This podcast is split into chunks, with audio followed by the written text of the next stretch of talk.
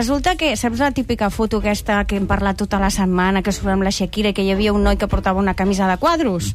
Sí. Vale, que se'n Sí. parlava més del noi dels quadros que, que, de, que de Shakira i Piqué. es diu- es diu Pipo. Doncs es diu Pipo Veus? Torres, sí, pobra criatura. Doncs resulta que el Piqué, que és un catxondo total, doncs ara fa la feina de la premsa, vull dir, ell s'ha fet l'amo de la situació total. Jo trobo i, i bé, està jo també jugant em amb faria mestressa de la meva situació, eh? Total, eh? Jo dic, Total, crec que sí. això revolucionarà la comunicació 2.0 perquè realment ell és l'amo. Doncs ara ha fet un concurs fotogràfic. Diu que et pots, tu t'has de posar una camisa de quadros, la que tu vulguis, com més estrafolària sigui millor, i enviar-li la foto. Ell triarà els guanyadors i jugaran un partit, aquest és el premi, un partit contra un equip que ell Que no vagi formaran. vestit de quadros. Mm, No aniran de quadros. Que seran ratllats contra quadres, Però no? seran ell mateix, en Piqué, en Puyol i altres del Barça. Vull dir que aquest és el premi. I que mm, T'emociona, Moliner?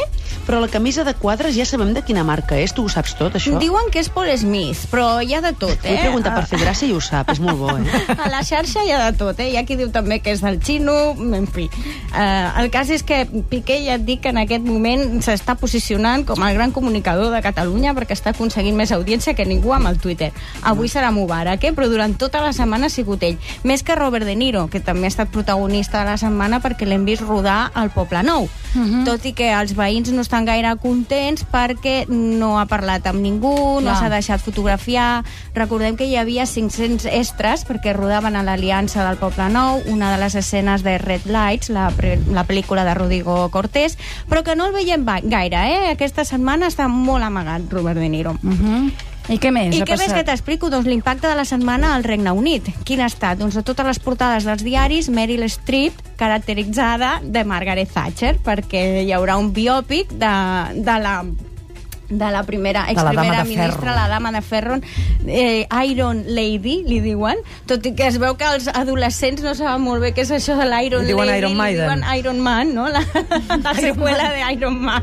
doncs bé, no se sap molt bé com anirà aquesta pel·lícula perquè la directora és la de Mamma Mia. Llavors la gent s'està preguntant si farà una comèdia, un musical o si realment serà una cosa seriosa, si serà d'esquerres, de dretes, tots sabem la política neoliberal de Meryl Streep, eh, perdó, de, de Margaret Thatcher, i, i com l'abordarà la directora. Tot això és un misteri, s'haurà de veure. De moment hi ha diaris com The Daily Mash, que ja ha fet, eh, ja ha fet humor satíric negre, dient que Meryl Streep és coneguda per tots perquè es prepara molt bé els papers, i llavors diu que ara s'ha hagut d'entrenar al gimnàs molt durament per perdre el 80% de la seva humanitat, Clar. per enfrontar-se amb aquest paper. O Però sigui que la sempre cosa quan s'engreixen guanyen un Òscar, no?